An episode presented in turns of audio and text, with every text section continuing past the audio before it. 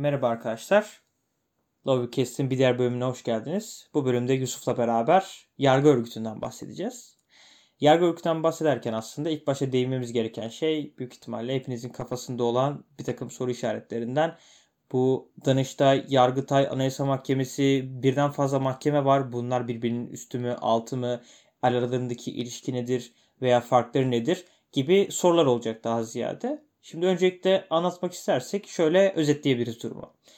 Ee, bizim bahsettiğimiz bir takım erkler var. Hepimizin de bildiği üzere. Bunlar yasama, yürütme ve yargı erkleri. İşte yürütme dediğimizde hani eskiden başbakanlık, şu an cumhurbaşkanlığı, yasama dediğimizde meclisten falan bahsediyoruz. Yargıdan bahsederken de aslında e, birden fazla yüksek mahkemeyi konu alıyor bizim anayasamız.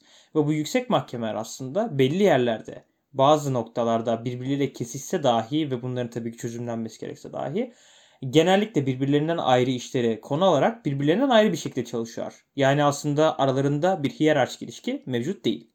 Ancak bununla beraber her yüksek mahkemenin kendi içerisindeki bölüm veya alanıyla alakalı mahkemelerde bir hiyerarşik ilişkisi bulunuyor. Mesela hani az önce ifade ettiğim gibi Danıştay'dan bahsederken aslında Danıştay genellikle ve daha çok tabii ki her zaman daha da ziyadesiyle idari işlemlere bakarken idaredeki tam yargı veya işte e, diğer idari yargılarla ilgilenirken mesela Yargıtay'dan bahsederken adli işlerden bahsediyoruz. Adli işlerde daha ziyade sizin bizim gibi insanların normal hayatta karşılaştığı ve herhangi bir e, resmi kurumla alakası olmayan bireysel olarak başına gelen veya bireysel olarak karşılaştığı problemler. Bununla beraber Anayasa Mahkemesi'nden bahsettiğimizde ise yakın zamanda kurulmuş olan bir kurumdan, yakın zamanda kurulmuş olan bir yüksek mahkemeden Tabi Anayasa Mahkemesi'nden bahsederken burada aslında bireysel başvuru yolu açılmış olan Anayasa Mahkemesi'nden bahsediyorum. Bir diğer şekilde aslında Anayasa Mahkemesi Yargıtay ve Danıştay'la beraber kurulmuş olan bir mahkeme. Ancak o durumda yani eskiden Anayasa Mahkemesi bireysel davaları değerlendirmek yerine daha farklı işlerle ilgileniyor. Özellikle de Yüce Divan olarak yargılamalar yapabiliyordu. Şu anda da bu durum devam ediyor. Ve bizim bazı durumlarda davalarımızı götürebildiğimiz bir kurumdan, davalarımızı götürebildiğimiz bir müesseseden ve bununla beraber de aslında bazı yerlere başvurmak için bizim son merciğimiz, örneğin Avrupa İnsan Hakları Mahkemesi'ne götürmek için bir davayı başvurmamız gereken Türkiye'deki son nokta olarak değerlendiriyoruz. Ve son olarak da aslında Yargıtay'dan, Danıştay'dan ve Anayasa Mahkemesi'nden bahsetmişken bir diğeri de anayasa tarafından kabul edilmeyen ve her ne kadar kabul edilmese de azınlık görüşü olarak değerlendirilen bir diğer yüksek mahkeme olan Sayıştay Mahkemesi. İdare mahkemelerine baktığımızda bunların yüksek mahkemesinin Danıştay olduğunu görüyoruz. Bunun dışında idare mahkemelerinde aslında ne zaman dava açıyoruz ve ne zaman idari işlemlere karşı e, yargı yoluna başvuruyoruz. Bir idari işlem bize zarar verdiği zaman veyahut bir idari işlem bizi etkilediği zaman aslında idare mahkemelerine başvuruyoruz. Peki idare mahkemeleri e, temelde hangi mahkemeler? İdare mahkemeleri zaten adı üstünde ilk olarak idare mahkemeleri olarak geçiyor. Bunun dışında vergi mahkemeleri de idare mahkemeleri olarak karşımıza çıkıyor ve bu vergi mahkemeleri aslında devletin e, kamu harcamalarını finanse etmek için topladığı vergi ve vergi mahkemelerinde verilen karar veya idare mahkemelerinde verilen karar günün sonunda bölge istinaf mahkemesinde yani bölge aslında idare mahkemesinde görülüyor. Ve bölge idare mahkemesinde görülen davalarımız aslında e, en son merci olarak Danıştay'a gidiyor.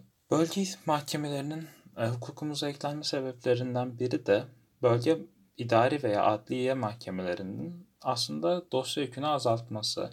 Yani adli yargının veya idari yargının ilk basamağı olan birinci derece mahkemelerinden sonra bir üst derece mahkemesi daha getirilmesi aslında Danıştay'a veya Yargıtay'a gidecek olan dosya sayısını azaltacağı için onların da iş yükünü azaltmış oluyor.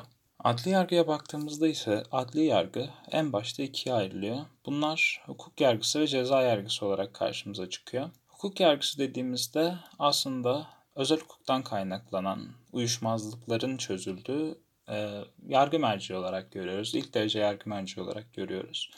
Burada özel hukuk dediğimizde aslında e, borçlar hukuku, ticaret hukuku gibi hukukun kamu alanı değil de özel insan ilişkilerini ilgilendiren kısmından bahsediyoruz. Bunun dışında ceza mahkemelerine baktığımızda aslında ceza kanununun ve diğer kanunlarda özel olarak düzenlenen ve suç içeren fiillerin işlen, işlenmesinden kaynaklı olarak kurulan e, birinci derece mahkemeleri görüyoruz. Bu birinci derece mahkemeler bu fiillerin toplumda yarattığı uyuşmazlıkları ve bu fiillerin aslında oluşturdukları suçların etkilerinin çözülmesi için kurulan mahkemeler olarak karşımıza çıkıyor.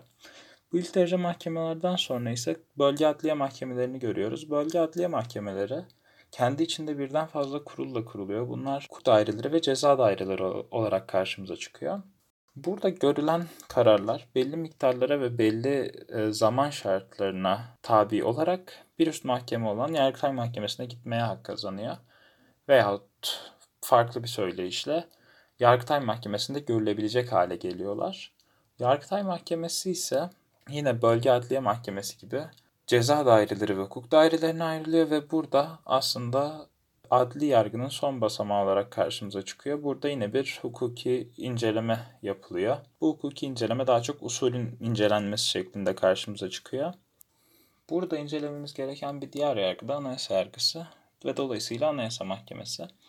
Anayasa Mahkemesi kendi içinde birden fazla göreve sahip. Bunlardan en önemlisi belki de Yüce Divan görevi. Ama yakın bir tarihte e, yine aynı şekilde Anayasa Mahkemesi'nin görevlerinden biri olarak da bireysel başvuruların incelenmesi hukukumuza girdi. Bireysel başvuruların incelenmesi dediğimizde ise aslında temel hak ve hürriyetlerin ihlal edildiği uyuşmazlıklar karşımıza çıkıyor. Temel hak ve hürriyetlerin ihlal edildiği durumlar yaşam hakkı, seyahat hakkı gibi çok bariz haklar olabilecekken aslında adil yargılanma hakkı da bu haklardan birinin içine giriyor. Ve aslında Anayasa Mahkemesi kararlarının büyük bir kısmı da adil yargılanma hakkı ile alakalı verilen kararlardan oluşuyor. Bu adil yargılanma hakkı usulen adil yargılanma hakkı olabileceği gibi madden adil yargılanma hakkı da olabiliyor. Ve Anayasa Mahkemesi'nin aslında en titiz incelemeleri yaptığı haklardan biri de bu olarak karşımıza çıkıyor. Anayasa Mahkemesi'nin bu işlevi sayesinde de hak ihlallerinin e, yargı yolları sayesinde önüne geçilmesi amaçlanıyor. Evet arkadaşlar, e, bu bölümümüzde yargı örgütü meselesine değinmeye çalıştık. E, yüksek mahkemelerden bahsettik ve yüksek mahkemelerin aralarındaki bir hiyerarşi tam olarak olmadığından, bununla beraber her birinin farklı bir görev alanında farklı işlemler yaptığından ve birbirlerinin görev alanlarına da müdahale edildiği noktada da farklı sonuçlar doğacağından bahsetmeye çalıştık. Bizim bugünkü podcast'imizi dinlediğiniz için hepinize çok teşekkür ederiz. Sorularınız ve açıkçası fikirleriniz için Instagram ve diğer kanallar üzerinden bize ulaşabilirsiniz. Hepinize iyi günler dileriz.